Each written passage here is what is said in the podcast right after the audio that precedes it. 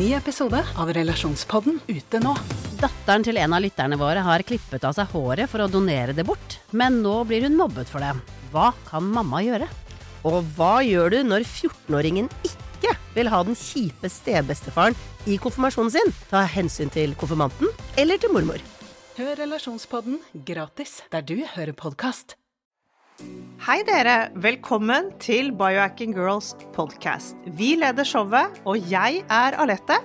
Og jeg er Monica. Vi er gode venner og kolleger, og vi legger sammen våre erfaringer og kunnskap for å inspirere deg til å bli din egen biohacker og optimalisere livet ditt. Vi følger med på ny forskning og trender, og stiller de spørsmålene vi mener er nødvendige.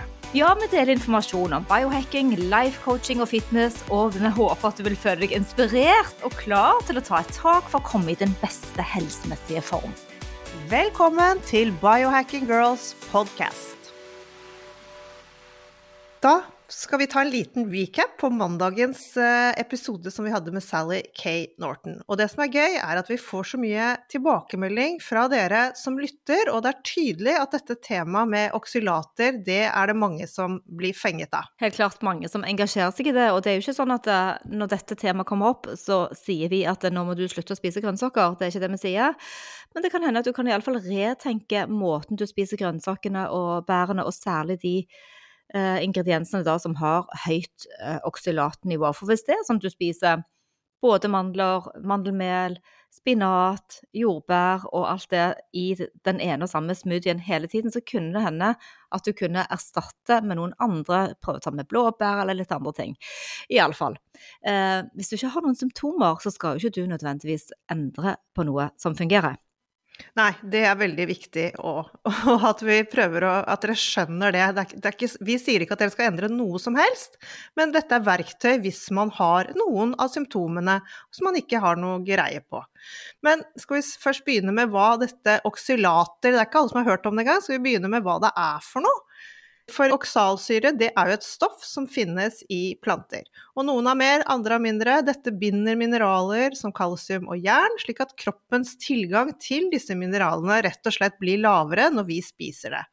Og oksylalsyrens salter kalles da oksylater. Og disse fins i mange matvarer, og spesielt i grønn te og eh, i vanlig sort te, i sjokolade og mørk sjokolade, i spinat, og høyt er det på mandler og rødbeter og chiafrø og hemp og bokhvete og bladhvete og tofu. Ja, det er mange. Det er en fin liste i boken til Sally Norton.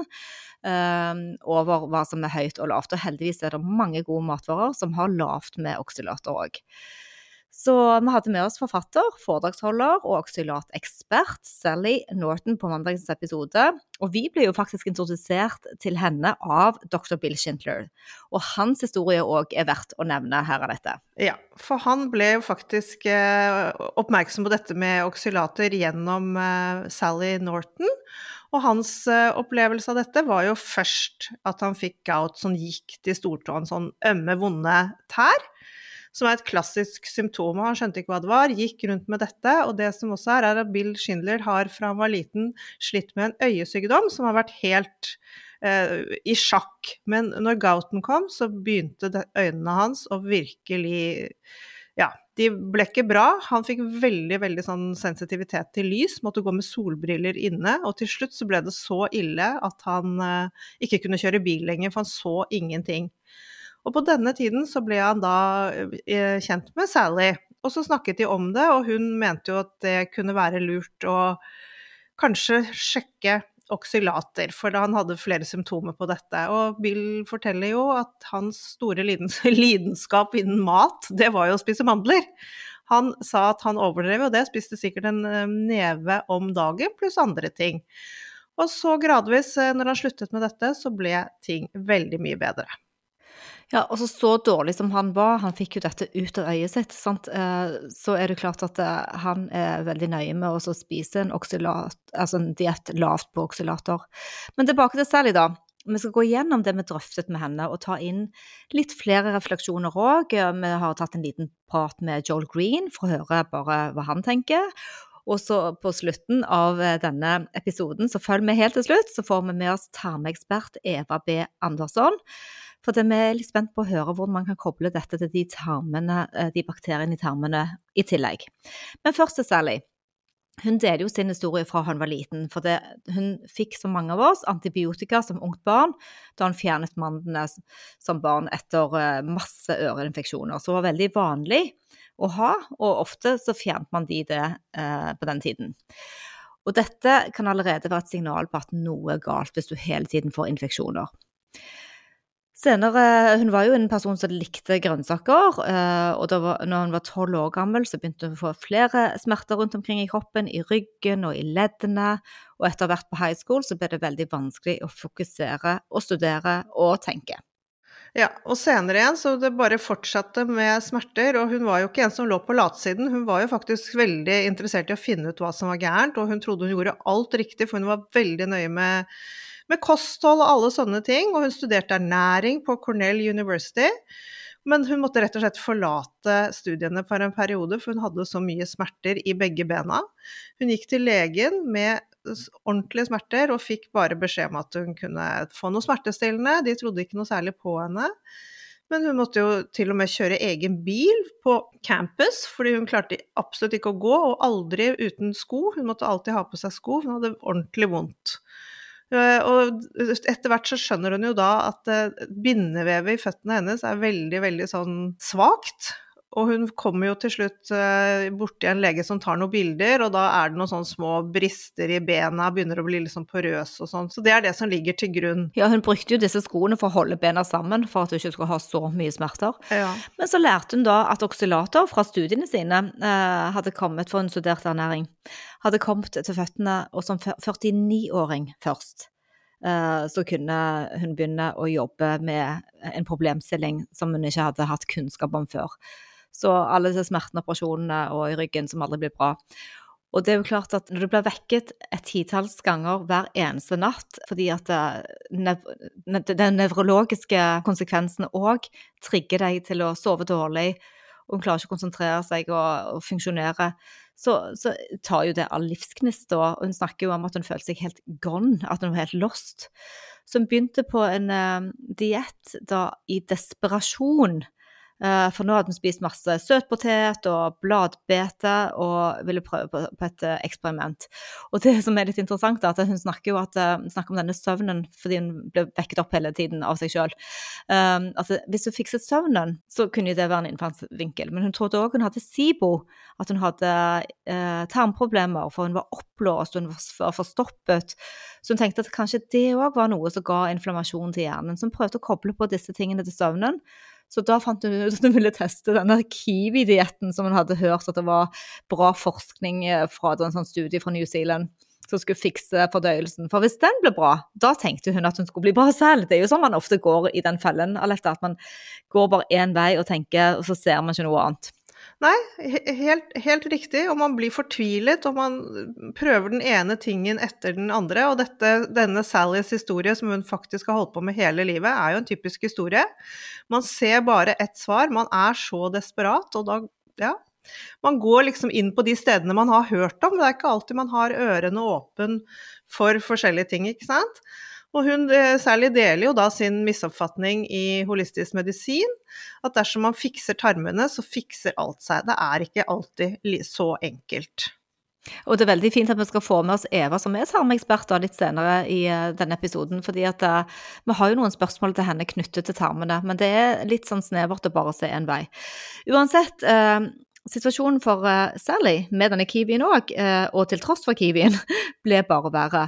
Og artrosen hun hadde forverret seg, og smertene forverret seg.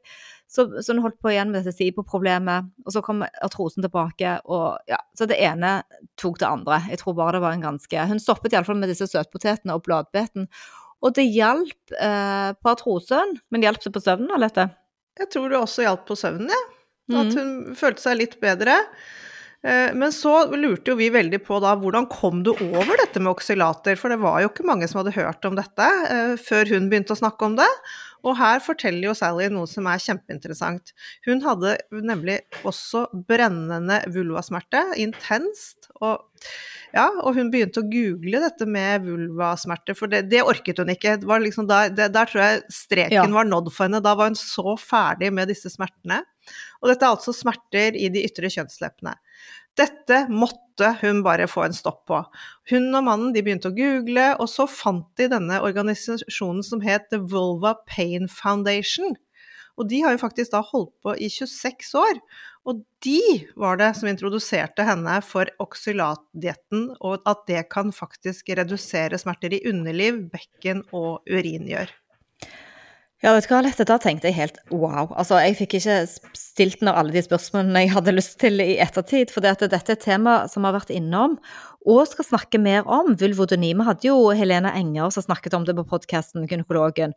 Og litt senere så skal vi ha Tine Oppdal med oss, som skal snakke om litt sånn bisarre og rare underlivsproblemer og urinlekkasje og dette. Men tenk at det kan være en sammenheng mellom oksulater og smerter i underlivet. Det er så utrolig mye å lære. Og da Sally sa det på podkasten, så ble jeg faktisk eh, litt satt ut. Eh, men vi har jo òg eh, gjort et lite dykk på nettet da, Alette? Ja, for vi har prøvd å, prøvd å, lese oss litt opp på dette her, og mange som spør om forskning på dette med oksylater og underliv og alt mulig sånn. Og det er jo faktisk ikke så mye som er ja, som er gjort. Vi har fant noen studier som ikke hadde noen sammenheng i det hele tatt, og andre som tviler på sammenhengen. Men øh, som, dette har jo ikke vært noe sånn prioritert tema for forskning. Så Sally hun kom over denne organisasjonen, og vi skal snakke litt mer med Helena Enger om dette. Og vi har prøvd å finne noe forskning selv, men det er glissent og lite. Dette er ikke, faktisk ikke Jeg tror vulvaproblemer er vel ikke helt de store det man er mest interessert i. Så disse studiene vi fant, var begge på små grupper eh, med smerter i underliv, og ja, og, og, Sally Norton hun testet dette faktisk selv. Og så lurte vi litt på sammenhengen med dette med fotsmertene, artrose, underlivssmerter. Er det noe sammenheng? Om hun kunne se noe sammenheng her? Ja, Vulva Foundation kunne jo sett i sammenhengene um, at når det var mindre oksalater i urinen, så ble smertene i ben og ledd og muskler mindre, og flere i gruppen så det. Og De kunne også se det på bindevevsykdommer og fibromyalgi, ting som er relatert til fascia og sener. Eh, så denne gruppen Vulva Foundation de har sett det, og de definerte dette som et bindevevsforstyrrelse. Og at når folk reduserte oksalater, så ble det bedre. For det er syren for oksalatene, denne oksalsyren som plantene lager. Og når man spiser det, så får man syren inn i vevet. Og syren forårsaket av kollagenfibrene de brister, og i tillegg så skaper det inflammasjon og skader cellene. Så, og videre så lager de da dette, dette krystallen snakker om hele tiden i vevet, partikler som kommer inn i vevet, og de dukker som regel opp der du allerede har et problem eller en betennelse på gang. Så sånn som med Bill, som hadde da et øyeproblem hele tiden, det er der oksylatene kom ut. Så, og jeg si at det tema, for vi spurte henne igjen da etter episoden, når vi begynte å google litt mer om vulvodyny, så sier hun at temaet om bekkensmerter og oksalater det er blitt veldig stilnet men at hun har flere linker på artikler bak i boken hennes. Så hvis noen av dere lyttere vil lære mer om det, så er det bare å ta kontakt med Sally Norton, som har da enda mer eh, ja, forskning på dette temaet. Ja, det er veldig fint faktisk i boken hennes. Hun har jo fått med seg alt. Så, så hvis det er noe dere lurer på, sjekk boken hennes først. Mm. Eh, og det hun kan bekrefte, er jo at alt forverrer seg, og, dette kommer fra den maten du spiser, dersom du er en av de som reagerer på oksylater. Så her må hver og en av oss lytte og vite og kjenne etter om det, er, om det er symptomer på syredannelser, og om det eventuelt kan være skader på vevet. Og bare for å, virre, for å, forvirre oss enda mer, så sier Sally at både syren fra oksylatsyren og syren forårsaket av utvingende oksylatene som immunsystemet forsøker å bryte ned og ødelegge bindevevet vårt. Saken er vel at folk som sliter alvorlig med dette, de har gjerne vært syke i flere tiår. Sånn at dette er jo en lang og seig prosess å komme til uh, at man ja, det er en sånn sovende sovende mild forgiftning. Og så da når de kutter oksylater, så kan de plutselig løpe rundt og sove godt, og alt blir på en måte forandret. Det er litt interessant, for det er en kunde eh, og venninne, holdt jeg på å si, på Core Balance, da, som eh, tekstet litt grann, eh, for noen uker siden. Det var før vi hadde Sally eh, intervjuet henne, og hadde noen smerter. Og så spurte hun, ja, sånn som venninner gjør, man spør hverandre på telefonen litt sånn. Så, så svarte jeg da at eh, hva spiser du for tiden? Og hun spiser kjempesunt. Og så listet hun opp denne smoothien som hun lager med spinat og mandler og mandelmelk og jordbær og hele chiafrø og alt i samme. Så sa jeg bare til henne ja, kanskje du bare skal Dette sa jeg som venninne, da. Kan du ikke bare skal kutte det ut eh, en periode, og så prøve noe annet? Og så trappe opp litt på proteiner og sånne ting. Hun har blitt mye bedre allerede, og hun eh, kontaktet eh, meg i går faktisk for å si at, at hun har fått liksom endret alt, og det var faktisk en nyrestein der. Så ja. jeg, tror, jeg tror tilbake til det Sally òg sier, at man må bare teste selv. Eh, hvis du kjenner at du har vondt noen steder, så prøv litt forskjellige matvarer som du ikke er vant til å spise, og kanskje kutte ned på de som er så full av oksylater. Ja, og jeg vil jo si det er jo en enklere vei å gå enn å begynne å få medisinering for diverse plager. Og få smertestillende, så er det jo, det er jo ikke Det er mye lettere å kunne bare gjøre om litt på hvilke grønnsaker du spiser. Men vi lurte jo også litt på hva disse legene så og lette etter når hun var så syk, og hva, hva, liksom, hva møtte henne i lege... Med, mm, i legeverden, i og med at hun ikke engang klarte å studere. Det var jo noe av det vi lurte veldig på. Og det mest åpenbare for legene, det var jo å se på den foten hennes. Oi, du har vondt i foten, da ser vi på den. Først var det, hadde hun vondt i den venstre foten, og så fikk hun da smertestillende. Hun følte ikke at hun ble sett i det hele tatt når hun kom til legen på college. Og hun tror heller ikke at eh, legene hadde tiltro til henne om at det faktisk var noe gærent. De ville tenkte at ah, hun vil bare ha noe smertestillende. Men senere, så, det snakket vi om før i dag òg, så fikk hun jo bilder hos en eh, ortoped, og da hadde hun jo både skade på ben og bindevev i foten. Keto recipes with love from Monica and Arlette. Målet vårt med denne kokeboken er at det skal være en skikkelig boost for deg å leve den ketogene livsstilen. Ja, det er den eneste norske keto-kokeboken på markedet, og vi har bare lyst til å nyte hvert måltid og føle at kroppen blomstrer når vi spiser ren og deilig mat med gode ingredienser som det er lett å få tak i.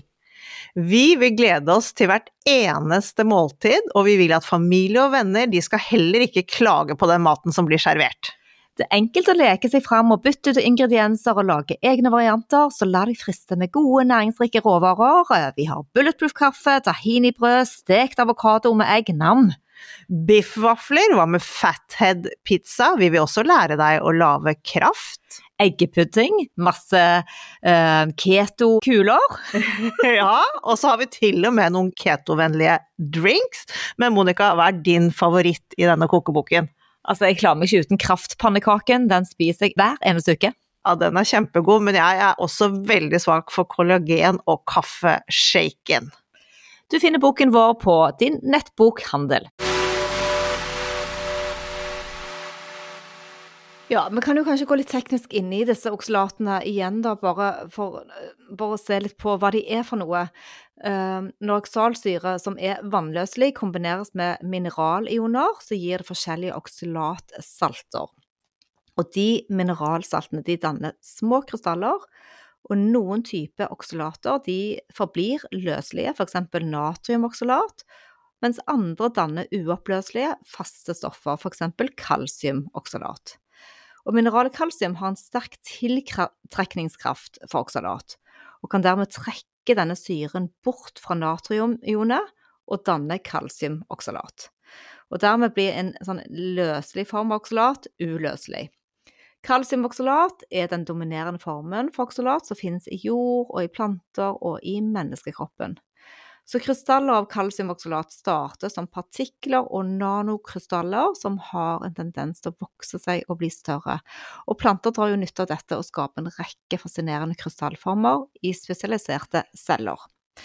Oksylatkrystaller kan òg slå seg sammen til små steiner. Ja, Og det er jo det vi har hørt om disse krystallene som vokser og vokser og blir til f.eks. nyrestener. De starter som en eh, oksy oksylatsyre, to karbonsyre, som naturlig er i naturen. Plantene trenger dem for sin biologi, og lager en hel del. Og noen planter lager mer enn andre, og da er det mer oksylater i de. Oksy oksylalsyre er en kilator. Den forbinder altså disse mineralene, og de er avhengig av hverandre. Kalsium elsker rett og slett oksylater, og andre veien, de lager saltmolekyler som slipper sitt bunnfall, som da blir til disse krystallene. Og etter hvert små nanokrystaller som formerer seg. Uansett, de binder med jern, magnesium og kalsium, så du kan i teorien få en hvilken som helst mineraloksylat som blir til krystaller i kroppen. Du har syre, salt og krystaller, som endrer form og beveger seg. Når oksylatene blir kalsiumoksylat i kroppen, så kan det resultere i dette nyrestenen. Herfra går det videre inn i benmargen, som er full av mineraler, og også i benmergen. I kjertlene, og man kan til og med se disse små krystallene i skjoldbrukskjertelen. Ja, når det gjelder de nyresteinene, vi spurte henne om det òg, så er det hele urinrøret er jo der for å tisse ut disse oksylatene du spiser. Det går i blodstrømmen når du tisser det ut, men blir det for mye syre, så kan det samle seg til små klumper og skape veldig smertefulle blokkeringer i nyrer og i urinrør og blære. Og de kan formere seg i blæren hvor steinene kan komme. Og det er faktisk mange som har dette lenge uten at de har symptomer. Ja, og det er ikke alle nyrestenene som kommer ut heller. Jeg kjenner, jeg kjenner jo noen som har hatt sånn nyresten som kommer ut, og det er visst så vondt at det er helt sånn ubeskrivelig. Men dette med ketogent kosthold, det betyr jo da at vi i, prinsippet kutter ut korn, poteter og bønner, og dette er jo matvarer som i seg selv er veldig høye på oksylater. Så hvis man også da i tillegg på et ketogent kosthold begrenser inntaket av spinat, bladbete, nøtter og sjokolade, så har man faktisk allerede der en uh, diett som er lav på oksylater, eller nesten ingenting. Og nyresten, det som man trodde kom av at man spiste fett, uh, mettet fett i, kosten, det kommer faktisk av krystaller fra oksylater. Ja, og for å ha god helse så trenger man å ha celler som mestrer og kontrollerer de biokjemiske prosessene og aktiviteten, og oksylatene kan utfordre cellenes kontroll på mineralene og blokkere enzymproduksjonen og ødelegge mitokondriene. Men dette med histaminer dette, det er også et poeng som vi snakker med henne om, siden det kan skape en del forvirring. At oksylatforgiftning kan drive dette siden de skrur på immuncellene, sånn at de er på jobb for å lete etter problemer i kroppen. Og da vil jo cellene umiddelbart begynne å jobbe for å skru på inflammasjon, og cellene produserer histamin, som da er en del av responsen. Og kroppen responderer med, eh, immun, med likt immunsystem, som når du f.eks. spiser oksalater, og kroppen din, eh, som, kroppen din, kanskje ikke skulle tåle, sammen med myggstopp eller en, en eller annen type form for eh, infeksjon. Og etter hvert så får jo leveren problemer med å klarere ut histaminene som er skapt av en overflødig inflammasjon, altså av overaktive celler og immunsystem. Og dette kan òg lede til autoimmune eh, tilstander, sånn at eh, immunsystemet hele tiden må lære å, hvor det skal angripe og respondere på ting de ikke skulle respondere på. Ja, for disse immuncellene de vet jo ikke hvordan de skal eh, reagere når kroppen er i sånn alert-modus hele tiden. De er ikke lenger i stand til å klare å bekjempe disse vanlige infeksjonene vi får. For immunsystemet ditt er faktisk helt, helt ute å kjøre. Men hva er da normale symptomer på oksylat, spurte vi jo Sally. fordi det er jo veldig mye forskjellig, eh, og hva vil en sånn forgiftning se ut som? Og det hun da svarer, er jo at her ligger jo hele nøkkelen. Dette er veldig, veldig vanskelig, og det er utrolig mange ting. Og, og det, ta, det, er ikke sikkert du kjenner det når du spiser. Det kan jo ta mange timer eller mange år før du begynner å få symptomer. Men hun sa det at hvis du kjenner på en sånn slags irritasjon eh, i kroppen en stund etter at du har spist, så kan det være at det er dette med oksylater. Det er liksom ett tegn humør, du kan kjenne på uro, angst, og at det skjer noe i hjernen din. At du blir, får smerter og sånne følsomheter som går opp og ned i humøret. Det, dette kan være sånne reaksjoner som kan komme rett etter et måltid. Fordi du får liksom litt av denne giften inn. Nervene er på hele tiden. Og det kan skapes smerter i muskler, fordøyelse og sånn opp, oppstøt fra, fra halsen. Hikke, muskelsmerter, du blir oppblåst, du kan få diaré. Det er jo bare en hel mengde med symptomer som kan være alt mulig annet også. Det er jo der, her det er så vanskelig. Lekt tarm, du kan få rare smerter i muskler, du kan hende at du må løpe på do og tisse veldig mye og ikke klare å holde deg. Kanskje urinen din blir grumsete og tåkete. Leddsmerter kan være vanskelig. Ja, som du skjønner, det er veldig, veldig mye symptomer, det skjønner dere. Så her er det bare å brette opp armene Ja. og gå til verks. Og så hvis du løper mye på do og kjenner noen av disse symptomene, og, og hun sier òg disse fem timene etter du har spist, så er iallfall det et tegn på at det, det er noe som, som, kanskje kan adresseres. For vi tenker selvsagt at, at man må ta en matintoleranseprøve ganske raskt. Uh, men hun sier fordi, fordi, hun hadde jo fått denne matintoleransen selv, uh, og det er liksom det første man vil tenke på, er å ta en matintoleranseprøve. Men, men hun sier at vi ikke er bygd for å spise så mye av disse oksolat høye matvarene som chia og hemp og gurkemeie. At det, det, er mer enn det tarmene tåler. Altså man driver med selvforgiftning sakte, men sikkert. Så du må jo stille deg selv et spørsmål om du har lyst til å holde på å forgifte deg selv. For mange ganger så er det ingen symptomer, og du, du blir kanskje bare brått syk, og virkelig sånn alvorlig syk. Og hun snakker jo til og med om både hjertesykdom og krefttilstander. Så men du vil kjenne igjen, eh, sier hun òg, at når du først kutter disse oksolatene, så vil du føle deg bedre. Du vil se bedre ut, huden blir glattere og finere, søvnen forbedrer seg. Din kognisjon, tankesettet, humøret og muskler og alt. Fordi at det, det, er jo logisk, hvis du driver og forgifter deg sjøl hele tiden, så vil dette selvfølgelig påvirke hele helsebildet ditt og hvordan du ser ut. Mm. Men jeg liker veldig godt det hun sier om at eh, det med å bare teste selv Kutt ut en liten periode, kjenn. Blir det bedre eller ikke? Det er liksom så enkelt, tenker jeg, da. Du kan bare kutte ut noen matvarer, se om disse symptomene du sliter med, blir bedre. Og hvis ikke de gjør det, så bare fortsett som før. Men eh, vi var jo også litt nysgjerrig på da For hun, altså hun, hun kom jo med et litt sånn skrekkscenario, vil jeg si, Sally. Man sitter jo litt med åpen munn og hører på dette her med gift og sånn. Så vi lurte jo på om eh, hun mener at vi alle går rundt og har et sånn oksylatproblem. Og det tror Sally rett og slett ja, svarte hun på det. Hun mener at uh, det vi forbinder med å bli gamle av sånn aches and pains, det mener hun er en uh, oksylatforgiftning. Vondter og smerter, og, at vi blir litt sure og gretne og sånn når vi blir eldre, at det, at det faktisk ikke er helt naturlig. For hun mener jo da at vi i vår moderne verden spiser mye mer enn vi tåler av disse plantene. Vi spiser jo de fra vi er helt små. Hun helt sjokker, var helt sjokkert faktisk over liksom hva vi dytter i småbarn som vi tror er kjempesunt med Jeg vet ikke om man gjør det så mye i Norge, men i USA så er det sånn moste søtpoteter og mandelmelk og alt mulig sånt. Vi gjør vel ikke det så mye her, men uh, Babyer også, de tåler, og barn tåler faktisk dette her enda dårligere enn oss. Vi, når vi er voksne er vi flinkere til å kvitte oss med dette enn barn er. Ja, altså sånn hjemme, jeg lager jo nøttesmør hjemme fordi at uh, han minste har så lyst på det. Uh, og nå blir det mer en sånn treat at han får det på fredagene, eller at det blir noe å se fram til. For det er jo ikke det at vi skal slutte med alle tingene, men hvis du spiser det samme pålegget hele tiden, så Og så kanskje også prøve å fokusere litt på de lavoksylate matvarene som salat og squash og agurk agurk og melon og helkål, kokos f.eks. Hun har jo så mange gode lister i boken. Men uh, har man tarmproblemer, så er det kanskje ikke lurt å overdrive de heller. det er jo alltid noe å tenke på. Men hun, hun deler iallfall hva hun spiser selv. For det, vi ble jo litt sånn åh, guri land, uh, det høres så komplisert ut.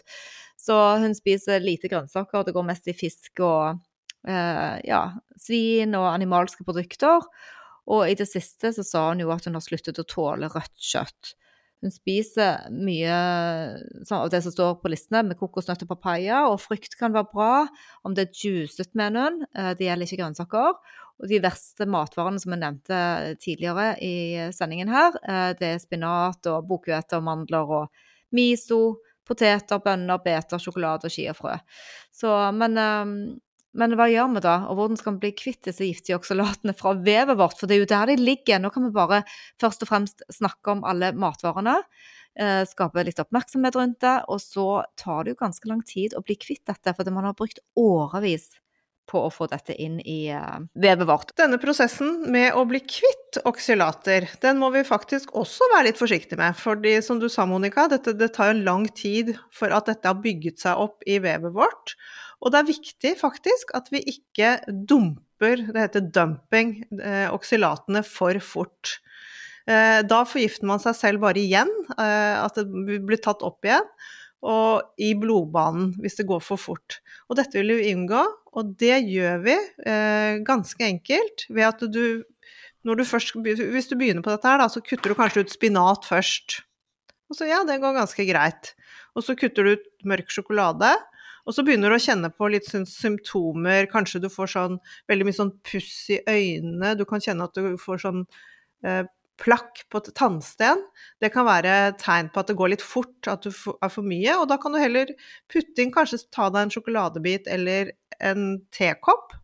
Og det kan da hjelpe på å roe det ned, for det er superviktig at dette kan ta årevis å bli kvitt. Det snakker hun veldig mye om, ikke for fort.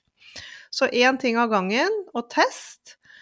Uh, og her er det altså da at uh, liksom hvor mye, det er det som At man hele tiden gradvis går nedover i hvor mye man spiser. Og vi plukker jo opp tråden hennes på denne biffintoleransen, for jeg syns det var litt interessant hvor plutselig den allergien kom fra. Og det forklarer hun ganske bra med at immuncellene i fordøyelseskanalen de er allerede inflammert pga. oksylatene, og immunsystemet er hypervåkent. Og da slipper krystallene en sånn proinflamatorisk eh, ja, eh, stadie du er i, og du er i inflammasjon og du driver ut disse oksalatene. Så hun mener da at du er disponert for allergier, både fra foreldre og fra oppveksten din, når du er da så eh, påvirket som hun var. Så hennes biffallergi ble veldig mye verre etter covid. Eh, og hun kunne kjenne det litt i forhold til uh, kløe hudlidelser og ja, det kunne ramme henne. Og både artrose og sånne ting. Mm. Og, og hun, eh, hun, brukte jo lang tid på å skjønne at dette var dette med, med biffen. Eh, men når hun da endelig skjønte det, så begynte disse grusomme symptomene som hun da fikk igjen. Hun fikk artrose, og hun fikk svulst i skjoldbruskkjertelen. Og så når hun da skjønte at det måtte være det røde kjøttet, så kuttet hun ut det, og etter én til to uker uten biff, så begynte det å endre seg. Og dette er jo så utrolig fascinerende å se hvordan kroppen da responderer når han får roet ned eh, de irriterte tarmene og det som jobbes iherdig. Så det, det er det som er problemet med oksalater. Det ødelegger immunsystemet og kan skape alle former for lidelser. Uh, ifølge Sally uh, veldig vanlig å få mange allergier når det kommer til mat.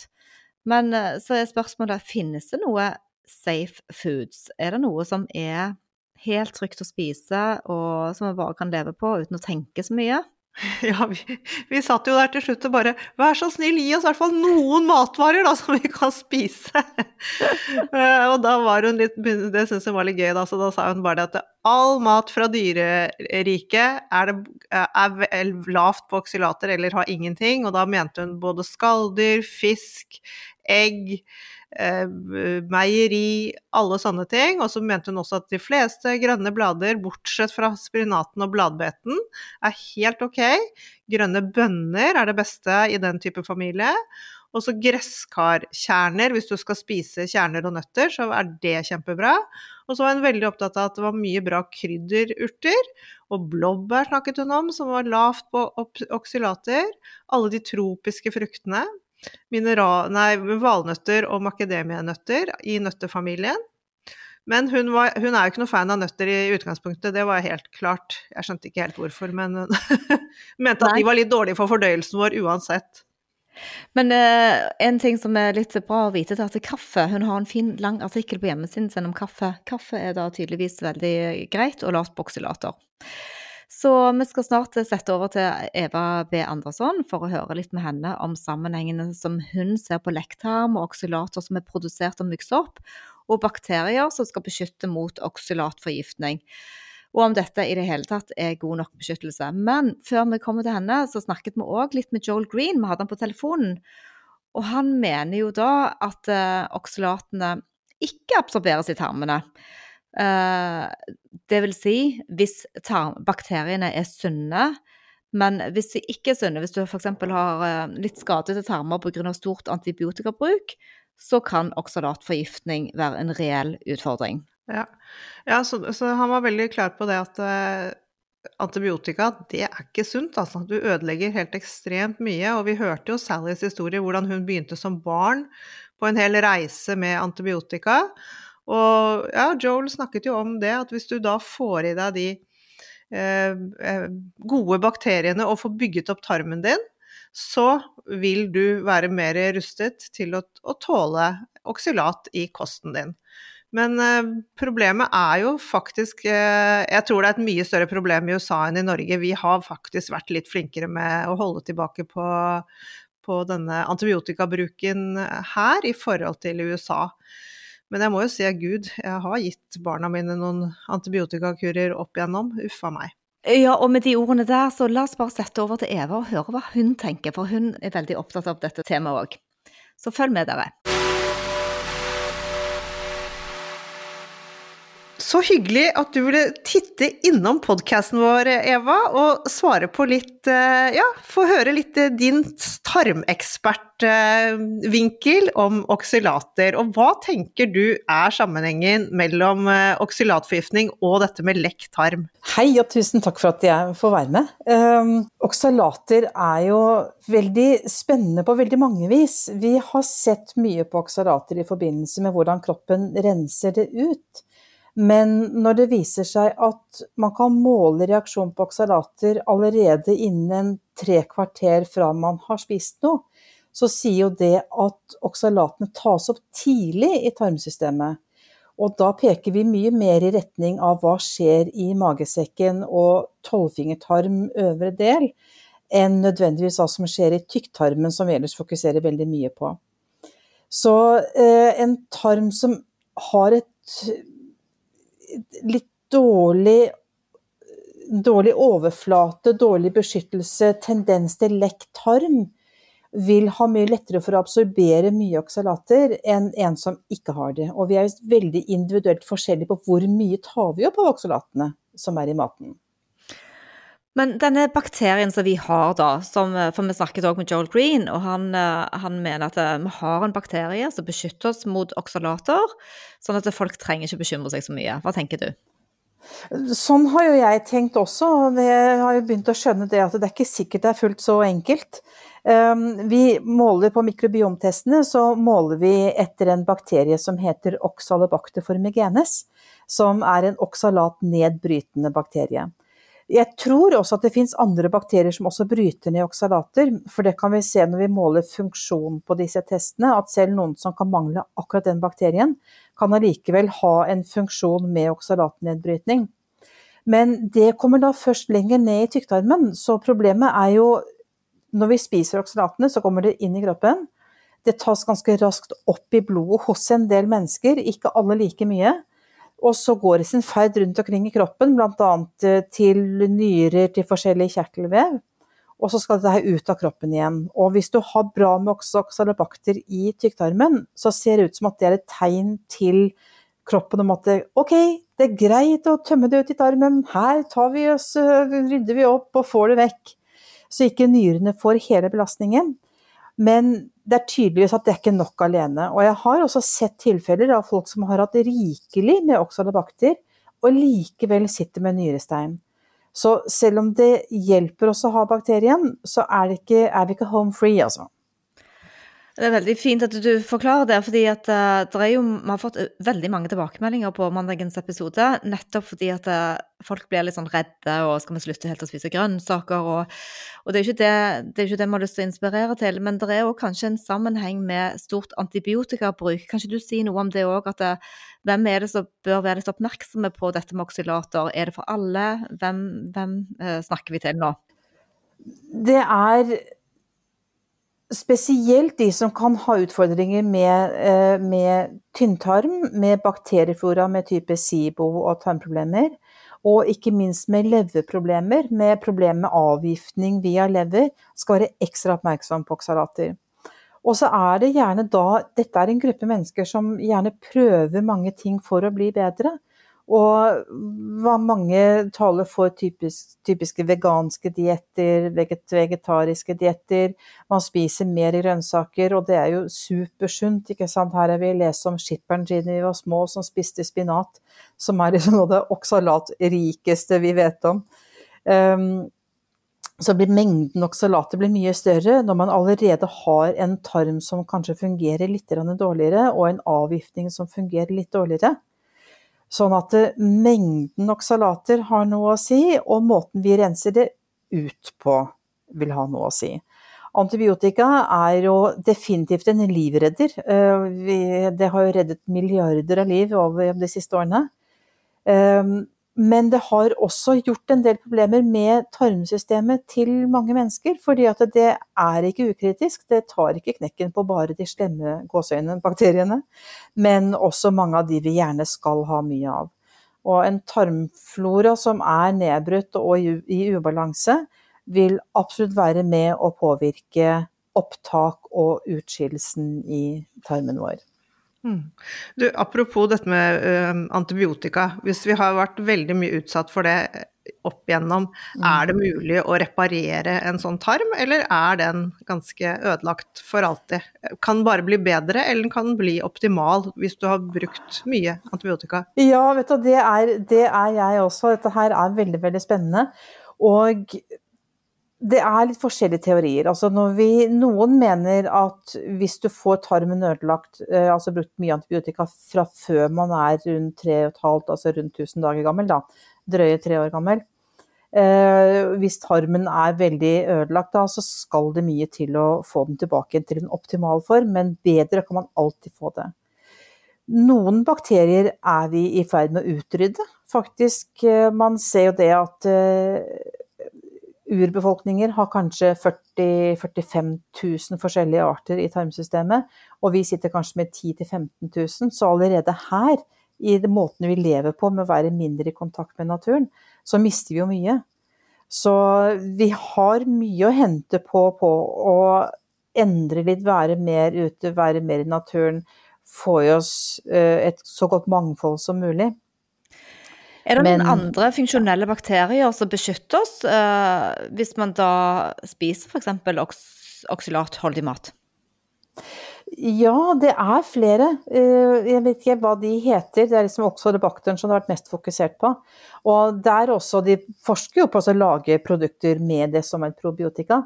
De har ikke klart å få det til ordentlig enda. Det er vel ett firma i India som lager et produkt som heter Oxalobact men ehm, jeg har Alle prisene står i rupi og all informasjonen på indisk, så jeg har ikke turt å bestille det ennå. Men eh, en dag skal det prøves også. Eh, men vi har også andre bakterier som beskytter oss, selv om oxalobacter er den som er mest fokus på. Men eh, helt avslutningsvis, hva med sammenhengen med histaminreaksjoner, oksylater, intoleranser, hvordan henger dette sammen? Er det sånn at oksylatene liksom utløser de andre, eller er det andre vei? Ja, det ser faktisk ut til at oksalatene kan være en medvirkende årsak til at vi kan få økt eh, histaminutskillelse og histaminintoleranse. Og dette er en utrolig spennende kobling som jeg gleder meg til å lære mye mer om selv også. Uh, en av tingene som jeg også ser, er jo det at vi kan ha en intern oksalatproduksjon. Og spesielt da hvis vi har en del sopp, spesielt muggsopper av familien aspergillus. Og dette har vi sett opp gjennom tid, at aspergillussoppene gjør noe med kalsiumopptaket i kroppen å gjøre. eh, hvordan kroppen absorberer kalsium til benvevet, og det ser ut til at oksalatproduksjonen kan være en nøkkel her. At du har en sopp, Hvis du har en sopp i kroppen som også produserer oksalater, så øh, vil det selvfølgelig hjelpe å ikke spise veldig mye ekstra oksalater, men da må man gjøre noe med soppen som også produserer det internt i tillegg. Kan du ikke forklare den aspergillus niger, hva den, hva den er for noe, Eva? Aspergillus niger er en type svartsopp øh, som vi alle har sett hvis du f.eks. sier du har øh, På badet? Ja, jeg har et, ja, ja, ute på maling på bad. Uh, jeg har et hvitt hus med røde kanter, rødt hus med hvite kanter rundt vinduer og dører. Og den hvite malingen blir alltid sånn svartprikkete etter noen år. Og det er rett og slett fordi at solen varmer ikke det hvite så høyt opp som det røde, og da vil lettere kunne gro noen sopper i det. Liten digresjon, men dette kan danne seg i kroppen vår også. Um, legene fokuserer mest på det hvis det går på lunge, på luftveier, for vi puster inn disse sporene. Men vi har opp gjennom en årrekke sett at det kan danne seg hvor som helst i kroppen, i bindevev og rundt om i systemet vårt. Så kan vi også ha tilstander med aspergillus-sopper, hvor aspergillus niger er en av dem. Så det, dette kommer da fra husveggen eller fra badet, det er de sorte prikkene, de må du bare kvitte deg med? Ja, det må du bare få vekk. ja. Det er, og spesielt hvis du har det inne i huset, se på fuger, hvis ja. svarte prikker i fugene. Altså, det, det, muggsopp, det vil vi ikke ha. Rett og slett. Ikke inni og ikke utenpå. Og de, de, kan man bli kvitt. Du har snakket tidligere om at man bruker klorin og bruker hansker og får det bort. Det kan man gjøre der, men også finn årsaken til hvor det kommer fra. For hvis det er at det kommer fordi det er en lekkasje utvendig, eller at det er noe som ligger dypere inn, så må man ta årsaken. Men det kan også danne seg rett og slett av fukt hvis man ikke har god nok utlufting, at det bygger seg opp en fuktighet. Så pass, se på alle sånne typer ting også. Hvor kommer det fra? Så, Men så, det kan også danne seg i kroppen. Ja. Så det du sier da, at uh, oksylatene kan bli produsert av denne myggstoppen hvis den da finner seg i tarmene? Ja. Og, og i, i, kroppen generelt. Ikke bare tarmer, det kan være i bindevev ellers også. Men du kan også, hvis du har mye muggsopp i huset som produserer oksalater, så kan du puste inn luftbårne oksalater fordi at nivået blir for høyt. Altså de, de lager og skiller ut hele tiden. Ja, dette, dette blir en hel ny episode. Men, eh, men, men når lytterne da, og alle, har lyst til å lære mer om sin egen helse og sine egne bakterier, hva, hva kan du tilby av eh, bistand der, Eva? Eh, selv jobber jeg veldig mye med testing av mikrobiomet. Og veiledning gjennom å forsøke å balansere det så mye som mulig. Og lang rekke andre ting man kan teste og finne ut. Man kan måle, måle miljøgifter, og vi kan måle mye gøy. Mye sopp og bakterier og parasitter. Så ja. ja. Hjertelig velkommen til de som vil det. Tusen takk. Da skal vi legge link og sånn til deg eh, etterpå. Du har jo vært på flere episoder, så det er bare å spole tilbake dere og høre mer fra Eva, som er så kunnskapsrik mm. på tarmene våre. Og vi ble veldig glad for at du ville komme til oss og så dele litt din entusiasme rundt dette temaet òg. For dette, nå er det på tide at vi får dette litt opp i dagen i Norge òg. Ja. Absolutt. Men det som er litt viktig å huske på, er at hvis vi kutter ut ting altfor strengt med å kutte ut på, på eh, alt med oksalater. Det er veldig mye næring, næring, i mye av den maten også. Vi vil gjerne spise så variert som mulig. Så ikke kast ungen ut med badevannet. Nå er det litt og litt. Nemlig. Ja. ja. Tusen takk, Eva. Vi ses snart igjen, håper jeg. Det gjør vi. Nydelig. Tusen takk, takk for meg. Takk for at du kom. Ha det bra. Hei, hei. Ha det. Det var hyggelig at Eva kunne komme innom og bare rydde opp litt i alle disse forskjellige tarmbakteriene. Det, det er hun god på. Ja, hun er utrolig dyktig. Og det er jo sammenfallende med det Joel Green sier òg. Selvfølgelig dette med antibiotika, men uh, tarmbakterier som funker, og at hvis du har den utfordringen med IBS eller SIBO eller lektarm, at det er ting som er uh, problematiske i tarmene, så er du mer utsatt for en oksalatforgiftning.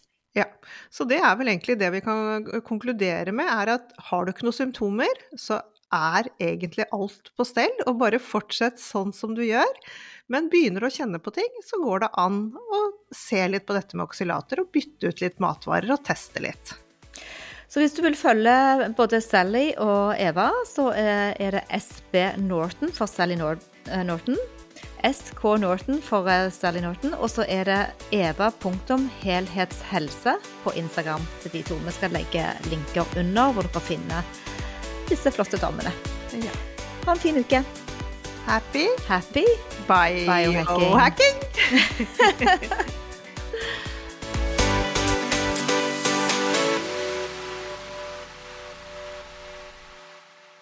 Vi minner om at dere må snakke med egen lege eller kostholdsveileder om dietter og andre spørsmål relatert til medisiner og supplementer. Informasjon vi deler, kan ikke bli brukt til å diagnostisere, behandle, forebygge eller kurere noen sykdommer eller tilstander.